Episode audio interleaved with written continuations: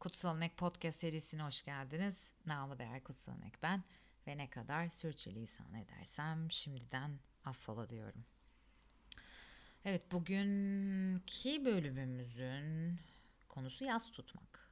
Ee, hepimiz çok farklı şekillerde yaz tutuyoruz aslında.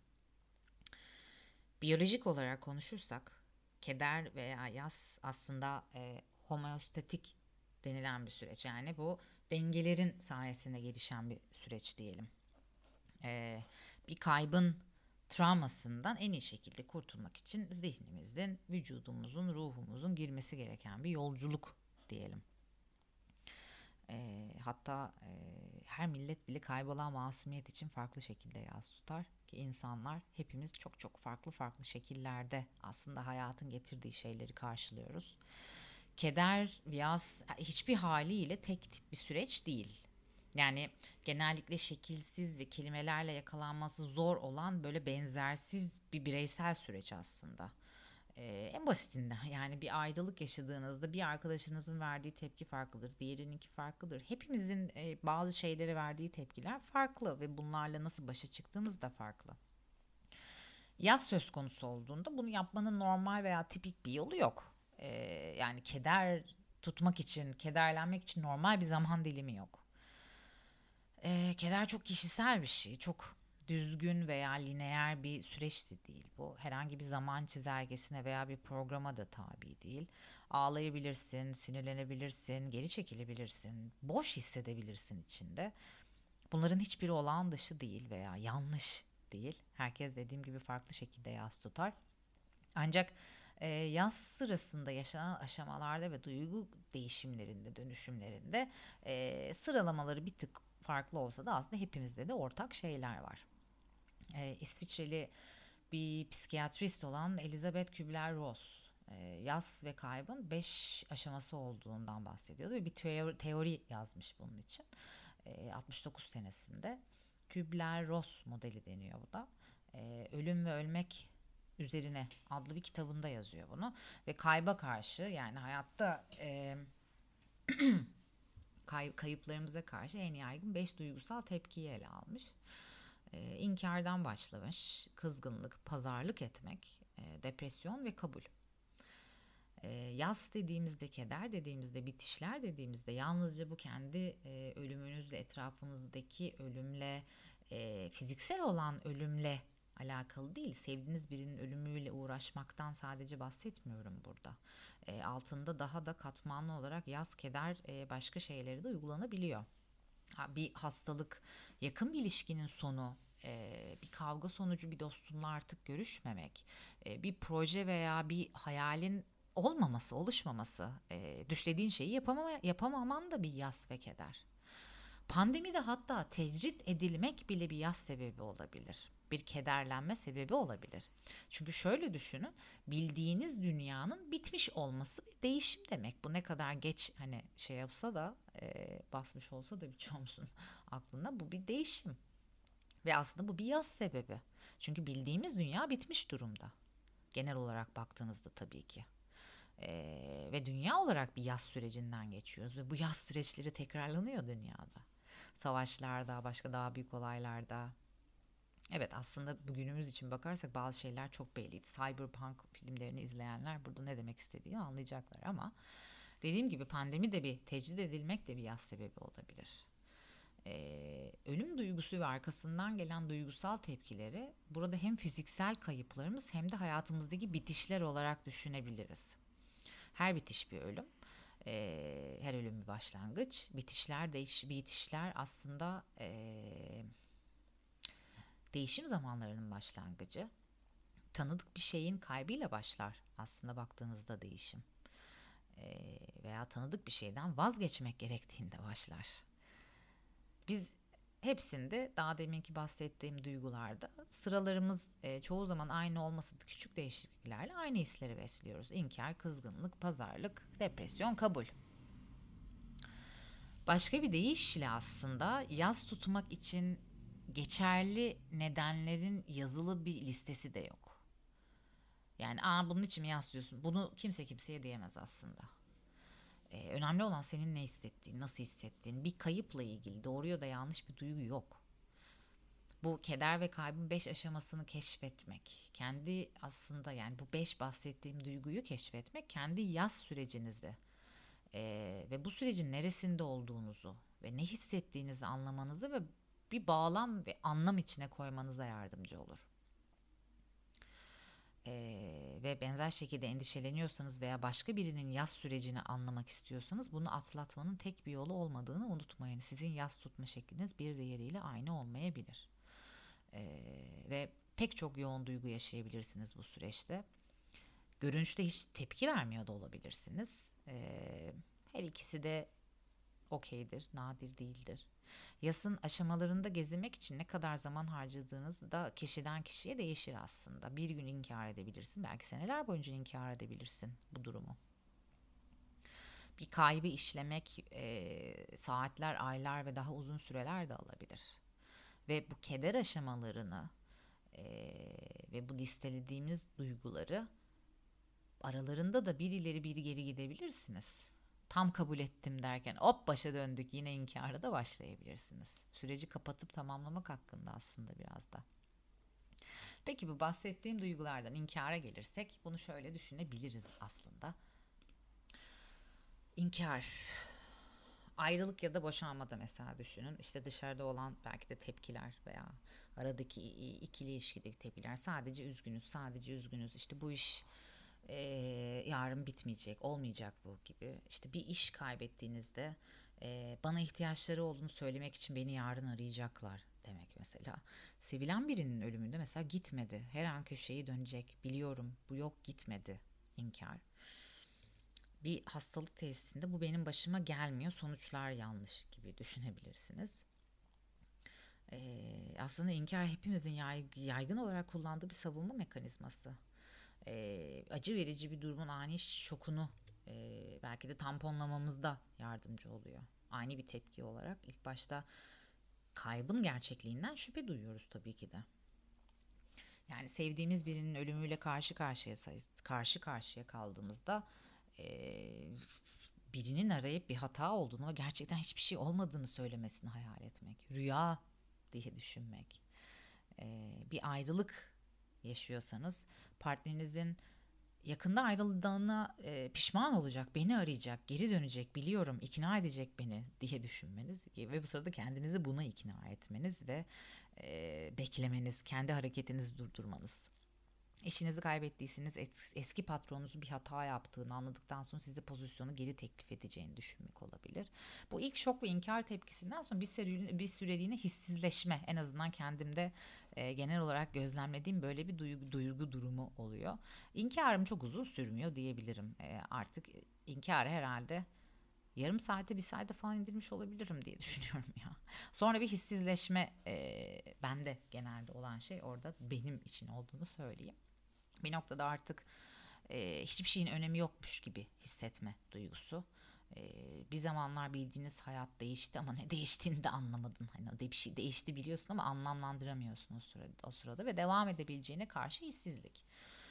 E, yasın ilk aşaması inkarda kaybı kendi e, zamanınızda işlemenizde imkan tanıyan bir doğal bir tepki aslında birazcık da kendinizi uyuşarak geçmekte olduğunuz değişiklikleri kendi hızınızda keşfetmeniz için kendinize zaman tanımış olma döneminizde diyebiliriz aslında inkar etmek ve hissizleşmek. İnkar sizi ilk acı dalgasına taşıyan geçici bir tepki dediğimizde sonunda hazır olduğunuzda inkar ettiğiniz hisler ve duygular yeniden yüzeye çıkacak ve iyileşme yolculuğu devam edecek ama neyle? Kızgınlık, Mesela ayrılık ve boşanmada ondan nefret ediyorum. Benden ayrıldığına pişman olacak. İş kaybında onlar korkunç patronlar. Umarım başarısız olurlar. Dur onlara neler yapacağım. Onların nelerini biliyorum falan gibi. Sevilen birinin ölümünde kendine daha fazla önem verseydi bunlar olmazdı. Veya bir başkasına kızgınlık. Hani senin yüzünden oldu gibi. Bir ölümcül hastalık teşhisinde ise Tanrı bunun neresinde, Tanrı bunun olmasına nasıl cüret eder bu da başka bir kızgınlık tabii ki. Kızgınlık bazen başka başka biçimlerde e, alır. Daha demin bahsettiğim Elizabethciğim, Kübler-Ross Bir kayıptan kaynaklanan acı ile genellikle yeniden yönlendirildiğinden bahseder. Bu da öfke olarak ifade edilir diye bahseder. Yoğun bir şekilde kızgın hissetmek aslında bizi veya sevdiklerimizi şaşırtabilir. Ancak bu nadir bir şey değil. Bu öfke bir amaca hizmet ediyor aslında orada. Burada böyle bir e, şey çizeceğim. E, daha küçük küçük olaylarda yas tuttuğumuzu hayatın içinde düşünün. Benim en büyük yoldaşlarımdan bir tanesi evde çok tatlış böyle üstüne de hep lavanta sıktığım bir e, yastığım var. Çığlık atıyorum ona. Öfke vesaire. Öfkeyi atmak iyidir. E, öfkeyi illa birisini hakaret ederek, birisine bağırarak, çağırarak atmanıza da gerek yoktur aslında. Öfke o sırada kişiden ziyade hayatıdır bazı insanlar için öfke hissetmek özellikle çok bunaltıcı olabilir. Hatta öfke hissedilen yerden uzaklaşmak da isteyebilirler. Bu kendi içimizde olan duygusal tepkilerimizi tanımak bizi ele geçirmeden ama. Yani öfke seni ele geçirmeden duygularını tanımak aslında çok önemli bir şey bir insan için. Biz bu duyguları kesinlikle bas, hele hele son e, bir senedir herhalde e, bastırmaktan fena olduk bu duyguları diye düşünüyorum. Çünkü herkes birbirine şey olarak bakıyor. Aa niye pozitif değilsin? Her neyse öfkeyle yüzleşmekten ziyade ondan kaçmaya aslında alıştırılmaya başlandı popülasyon diyebilirim. Hatta günümüz toplumunda işte duyguları o kadar artı eksi diye işaretlemeye başladık ki herkesin o kadar fazla sürekli gülümsemesini bekliyoruz ki e, insanlar artık içlerinde yaşadıkları duyguları asla anlamadan otomatik bir gülümsemeyle halı altını süpürüyor. Böyle var ya şeyde gezen robot e, süpürgeler yerde gezenler onun gibi yani. Otomatikman ne yani toplum tarafından kabul görmeyen bir duygu geldiğinde arkada sanki bir artık mekanizma oluşmuş insanlar bunu direkt atıyorlar ve bir gülümsemeyle gezmeye başlıyorlar. Yani Truman Show'u izleyenler vardır aranızda Jim Carrey'nin oynadığı. Oradaki ahaliden bir fark kalmıyor aslında olayın.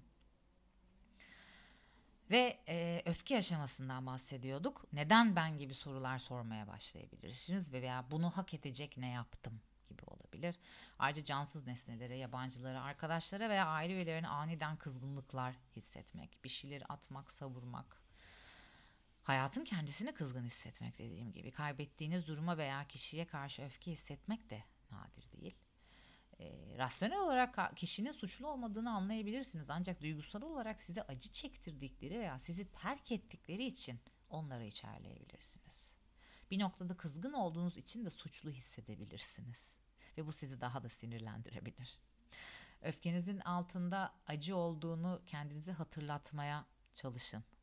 Ve öyle hissettirmese bile bu öfke iyileşmek için gerekli. Bunu da hatırlayın öfke inkar aşamasında kendinizi ondan soyutladıktan sonra dünya ile yeniden bağlantı kurmanın bir yolu bile olabilir aslında. Çünkü sürekli uyuşuk kalırsanız dünya ile ve herkesle bağlantınız kesilir. Kızgın olduğunuzda bu duygu aracılığıyla bile olsa bağlantı kurarsınız aslında. Ancak bu aşamada yaşayabileceğiniz tek duygu öfkede değil tabii ki. Sinirlilik, acı olma hali, endişe hali, sabırsızlık hali, kayıpla başa çıkmanın diğer yollarından sadece birkaçı aslında. Hepsi aynı sürecin parçası. Pazarlık etmek ve sonra da.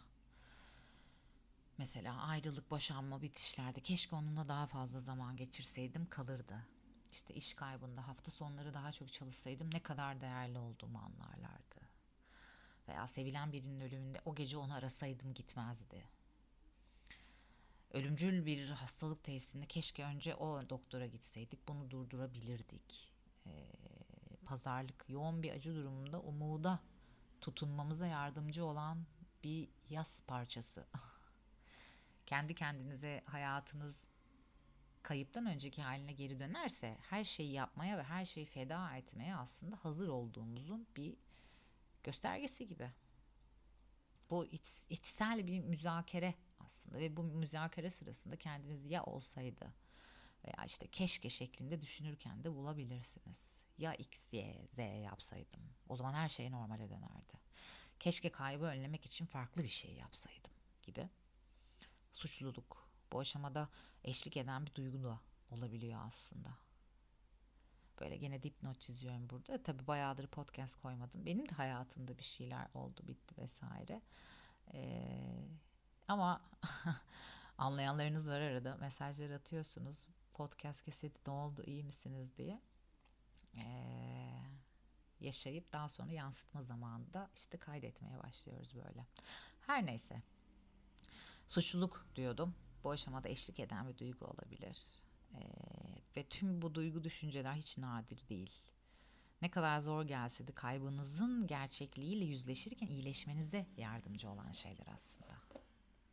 Ve bir de depresyon kısmı var bu işin. Depresyon huu, öcü şey gibi adlandırılıyor. Çünkü mindfulness farkında. Bu işler daha şey geliyor. Bazı şeyleri öcü olarak adlandırıp aslında toplum şu anda kitlesel bir depresyon artık kitlesel bir psikoz yaşıyor. Biz bu gibi durumları sürekli bastırmaya çalışıyoruz. Sonumuz ayrı olsun. Depresyon, ayrılık veya boşanmada işte ondan sonra nasıl devam edeceğim belki de. İş kaybında bundan sonra nasıl ilerleyeceğim, ne yapacağım çok belirsiz. Sevilen birinin ölümünde o olmadan ben neyim?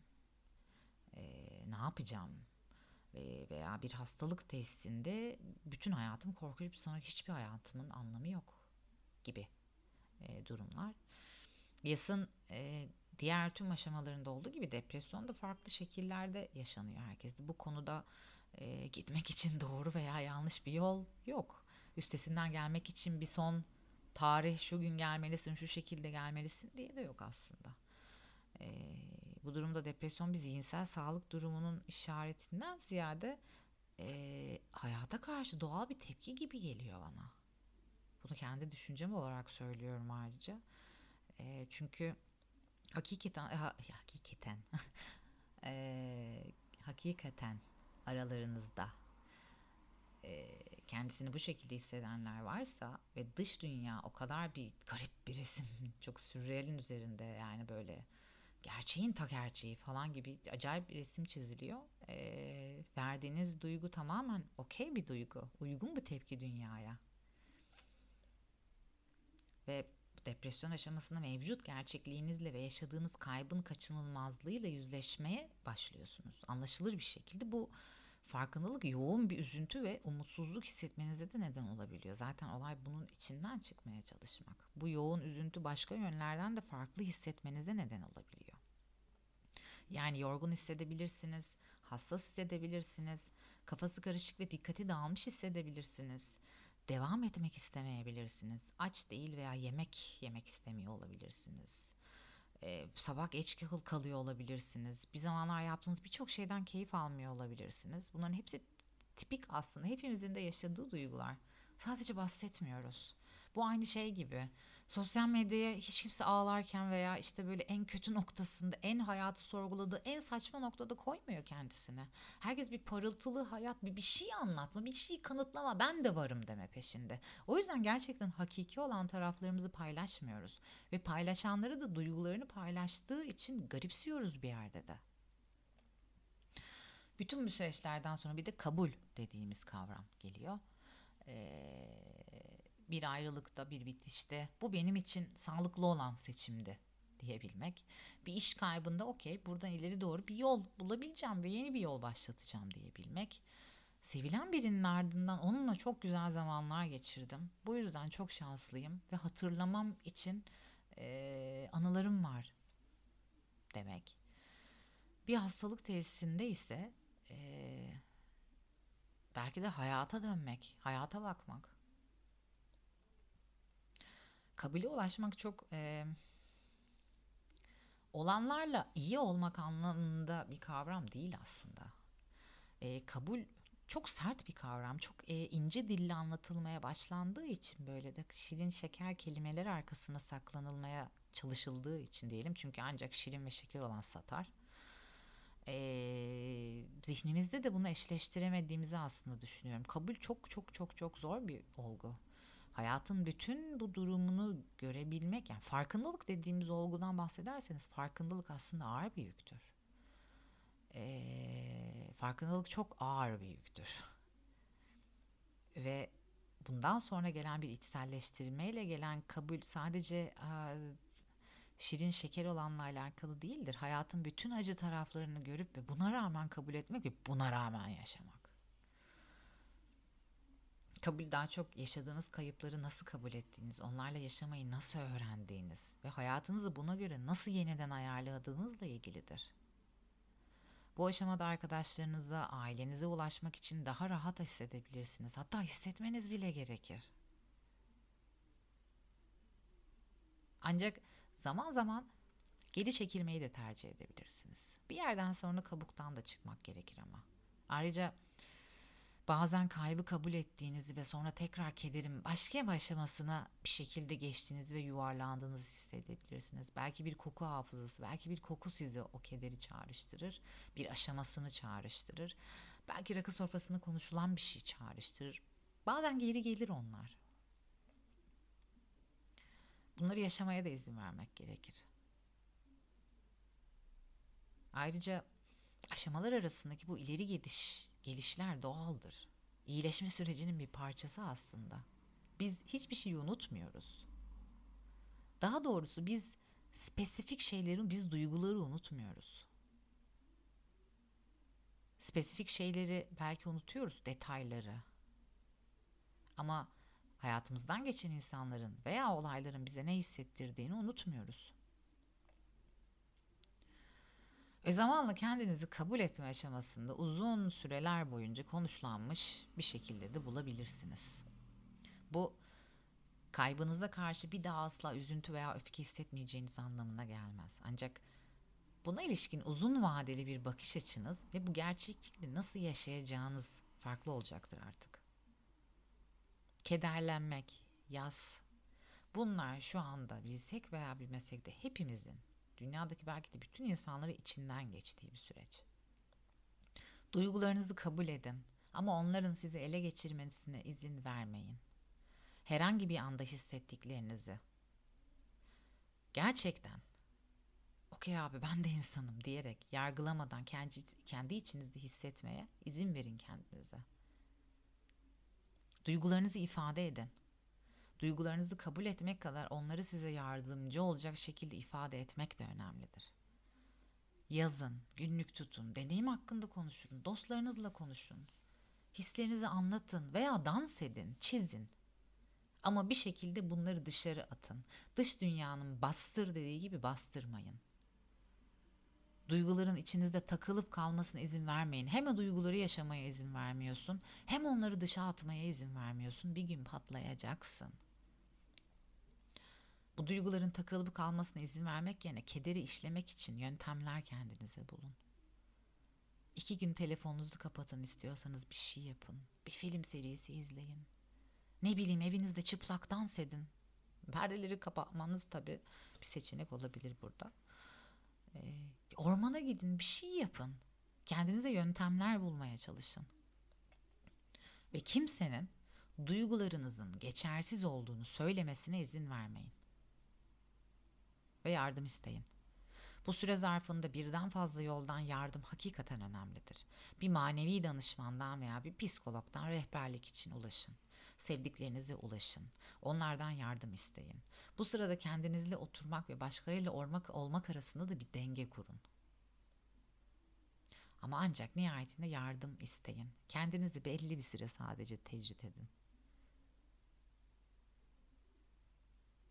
Hayatı yas tutarken yaşamak çoğu zaman bir dağa tırmanmak gibi gelir. Yas tutmak enerji alır ve çoğu zaman tükendiğinizi hissedersiniz.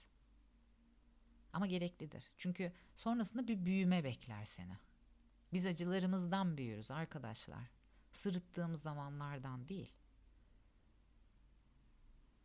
Büyümekten kastım yaş almak da değil. Ruh büyümesi diyelim belki de. O yüzden bu zorlu dönemde mümkün olduğunca kılıfına da yani vücuduna da güzel davranmaya çalış. Ama unutma herkes farklı şekilde yas tutar. Ve biz bir değişim sürecinden geçiyoruz. Bu bir nevi bir yaz süreci. Duygularını ifade et, duygularını yaşa ama duygularının seni ele geçirmesine izin verme. Bir başka bölümde görüşmek üzere.